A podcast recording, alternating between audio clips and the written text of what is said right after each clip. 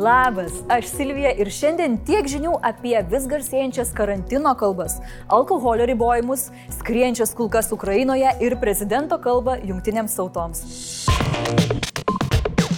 Vyriausybės nariai sutiko gražinti kaukių dėvėjimą būtina. Dėl jų dėvėjimo uždarose patalpose bus rengiamas nutarimas.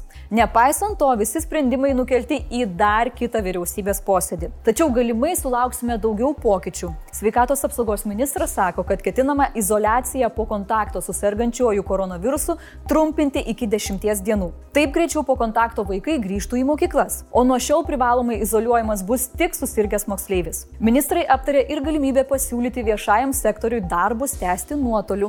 Epidemiologinė ir vakcinacijos situacija juda tik viena kryptimi negerąją. Tad pasak Arūno Dulkio, siekiant vakcinuoti kuo daugiau vyresnio amžiaus gyventojų, pas nepasiskiepijusius bus siunčiamas mobiliosios brigados. Jeigu į namus gali atvažiuoti TV pagalba, nu tai gali atvažiuoti ir tikra pagalba.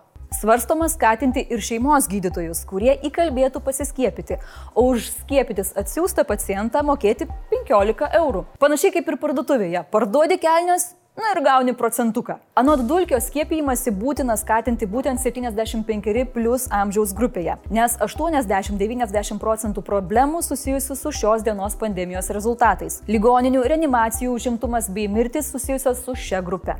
Artėjančio karantino nelaukėt ne tik jūs, bet ir ekonomikos ir inovacijų ministrė Aušrinė Armonaitė, kuris sako, kad turint skiepus ir galimybių pasus, ekonominės veiklos privalo likti atviros. Gal tik su papildomais saugumo reikalavimais. Švietimas taip pat turi likti atviras. Ekonomistas Raimondas Kuodis irgi mano, kad bausti visą ekonomiką yra neteisinga.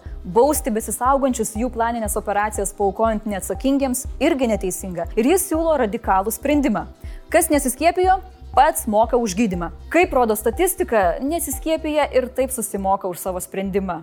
Žinoma, ne pinigais. Kalbant apie nepasiskiepijusius, Dainis Kepenis sako, kad jam trukdoma atlikti savo Seimo nario pareigas. Trukdo galimybių pasas, kurio Kepenis niekaip neišsima. O nutiko štai kas. Šiandien žmogaus teisų komitetas, kuriame pirmininko pavaduotojų dirba Dainius, išvyko į Rūklą susitikti su migrantais. Tačiau Kepenis, nu, liko ant ledo.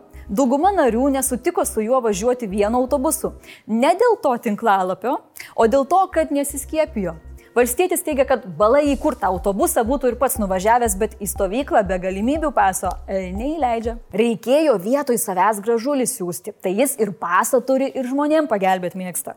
O beje, šį vakarą 20 val. tiesioginėje laidoje Spręskite patys vyks aštri Arūno Dulkio ir Aurelijaus Verygos diskusija, kurią moderuos Rita Miliutė. Valdantieji pasiūlė kiek atlaisvinti priekybos alkoholiu tvarką. Alkoholio priekyba sekmadieniais būtų leidžiama iki 20 val.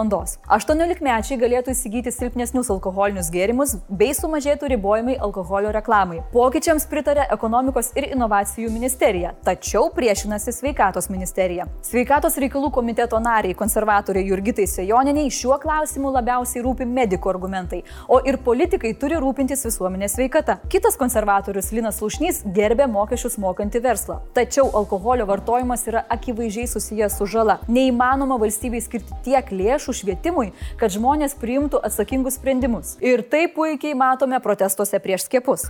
Aurelijus Veryga priminė, kai Lietuvos alkoholio suvartojimo statistika buvo itin aukšta ir paragino vertinti sveikatą. Samo atstovas, Neveryga, sakė, kad ministerija ir narkotikų, tabako ir alkoholio kontrolės departamentas atkreipė dėmesį, jog atlaisvinimai tikėtina prisidėtų prie alkoholinių gėrimų didesnio prieinamumo, vartojimo ir žalos didėjimo. Atstovo teigimu, tarptautinės organizacijos pripažįsta, kad kontrolės priemonės yra vienas efektyviausių žalos mažinimo priemonių. Pateiktas pavyzdys. Pirmadieniais neblaivių darbuotojų fiksuojama du kartus daugiau nei kitomis savaitės dienomis. Ribojimai iš dalies su šia problema kovoja. O ekonomikos ir inovacijų viceministrė Jeva Valeškaitė pasigėdo, kad ribojimai sekmadieniais būtų padarę papildomą teigiamą įtaką. Neblaivių asmenų skaičius darbe nesumažėjo. Įsijungia į pokalbį ir tie, kam šios pataisos labai aktualios. Ir ne tai ne alkoholikai, nors diskusija su jais būtų gal ir linksmėsnė, nors gal ir nelabai. Lietuvos aludarių gildijos vadovas tikino, kad Lietuva Europoje turi griežčiausią alkoholio kontrolės politiką. Jis pabrėžė, kad nėra logiška statyti žmonės į nepatogią padėtį sekmadieniais po 15 val. Na gal argumentas tai toks ir šiaip savo, jei jau sąžiningai. O kaip Jūs manote, reikia leisti alkoholį pirkti ilgiau ir jaunesniems, ar spėjat viską nusipirkti ir dabar? Parašykit komentaruose. Į Ukrainą atkeliavo kompiuterinis žaidimas GTA 5. Tik skirtingai nei likęs pasaulis, jie žaidžia jį gyvai. Netoli Kievo nežinomi užpulikai apšaudė Ukrainos prezidento Volodymyro Zelenskio vyriausiojo padėjėjo Serhijaus Čefyro automobilį. Ataką pareigūnai traktuoja pasikesinimu nužudyti. Automatinių ginklų ginkluotas užpulikas arba užpulikai šaudė iš miško. Buvo paleista 10-12 kulkų. Automobilyje buvęs prezidento patarėjas nenukentėjo, o vairuotojas susirinkęs tris kulkas gydomas intensyvios terapijos skyriuje. Jo būklė sunki. Šefyrui galima sakyti, labai pasisekė, nes jis dažnai pats vairuoja automobilį. Kitas prezidento Zelenskio patarėjas Mikhailas Podoliak sako, kad pasikesinimas gali būti susijęs su prezidento kova prieš oligarchus. Šis įvykis neturės jokios įtakos transformaciniai prezidento politikai. Kaip tik šią savaitę Ukrainos parlamentas svarstys įstatymą dėl oligarchų įtakos mažinimo. Zelenskis pažadėjo griebtis tvirto atsako dėl išpolio. Įvykio vietoje yra daug kamerų, todėl žadama parodyti ir vaizdo įrašą, kuriame į kampą prispausti oligarchai prakaituoja prakaituoja kulkomis. Junktinių tautų generalinėje asamblėjoje, minint Lietuvos narystę šioje organizacijoje 30 metų sukakti, mūsų prezidentas pasakė kalbą. Jis akcentavo kovą su COVID-19 pandemija, pasisakė apie priešiškus Baltarusijos veiksmus ir pabrėžė visų šalių solidarumo svarbą. Nausėda pasakė, kad Lithuania therefore strongly supports the initiative of limiting the use of veto in Security Council in cases of mass atrocities, genocide, war crimes, and crimes against humanity. Veto teisę turi nuolatinės narės. Kritikai teigia, kad toks mechanizmas nėra efektyvus, nes vos tik pasaulio galiūnės dėl kažko nesutarė, blokuojamos svarbios iniciatyvos. Lietuva šiais metais kandidatuoja į dvi jungtinių tautų institucijas - Žmogaus teisų tarybą ir UNESCO vykdomąją tarybą. Ironiška, turint omenyje, kad prezidentas nėra didelis tos pačios lyties žmonių meilės gerbėjas ir yra grubiai sulaužęs pažadą įsisekti vaivorykštės vėliavėlę į atlapą. Laukiam, prezidentė vis dar laukiam.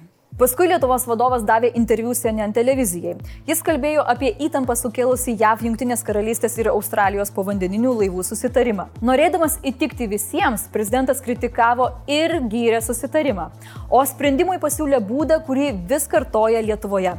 Reikia dialogo. Kaip suprantu, tai reiškia, kad su pikta Prancūzija nulips į apačią pasikalbėti prezidento patarėjas Povilas Mačiulis, ar ne? Asamblėjoje kalbėjo ir ją prezidentas Bidenas. Nepamirždamas 20 metų karo pabaigos, jis pabrėžė ir apie naują diplomatijos erą. Ir galbūt jausdamas, kad skandalingas sandoris ne visiems patinka, akcentavo vienybę. Iš visų jo pasakytų dalykų Čečenijos lyderiui Kadyrovui labiausiai įsiminė frazė apie gintinas LGBT teisės. Jis kvietė JAV lyderį pas save ir tvirtino, tvirtino, kad pas juo šalyje nėra seksualinių mažumų. Žmogus, kuris persekioja ir žudo homoseksualus, kviečia pažiūrėti, kaip jam tai sekasi daryti. Uf, lyderis. Iš įdomesnių dalykų dar galėčiau paminėti, kad Talibanas užsimanė asamblėjoje sakyti kalbą, o Turkija ne vienareikšmiškai pasmerkė Krymo aneksiją. Na ir žinoma desertas. Pietų Korejos boy bandas BTS atliko dainą.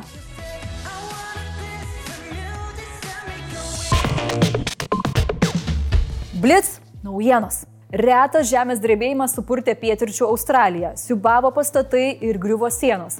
Tarp Melburno miesto gyventojų kilo panika. Drebėjimo žydinys buvo apie 10 km gilyje, smogė į rytus nuo miesto ir buvo juntamas už 100 km. Požeminių smūgių stiprumas siekia 5,9 balo. Rusijos tolimuosiuose rytuose dingo lėktuvas An-26 su šešių žmonių įgula. Ieškoti orlaivio išsiųstas riktasparnis, tačiau paiešką apsunkino Khabarovską užklupusi tamsa ir nepalankios oro sąlygos. Išleidžiama brangiausios lietuviškos monetos Zigmanto III vazos 100 dukatų replika. 17 amžiaus vidurio Zigmanto III vazos nukaldinta moneta laikoma ne tik abiejų tautų respublikos, bet ir Europos numizmatinė retenybė. Originalas 2018 metais aukcione parduotas už beveik 2 milijonus JAV dolerių. Tai brangiausia kada nors parduota lietuviška moneta. Priminsiu šios dienos klausimą. Ar reikalingas alkoholio priekybos laisvinimas? Išreiškit savo nuomonę. Kas būna, jei laiku nepamaitini katino, negauni savo gražių fitness storių?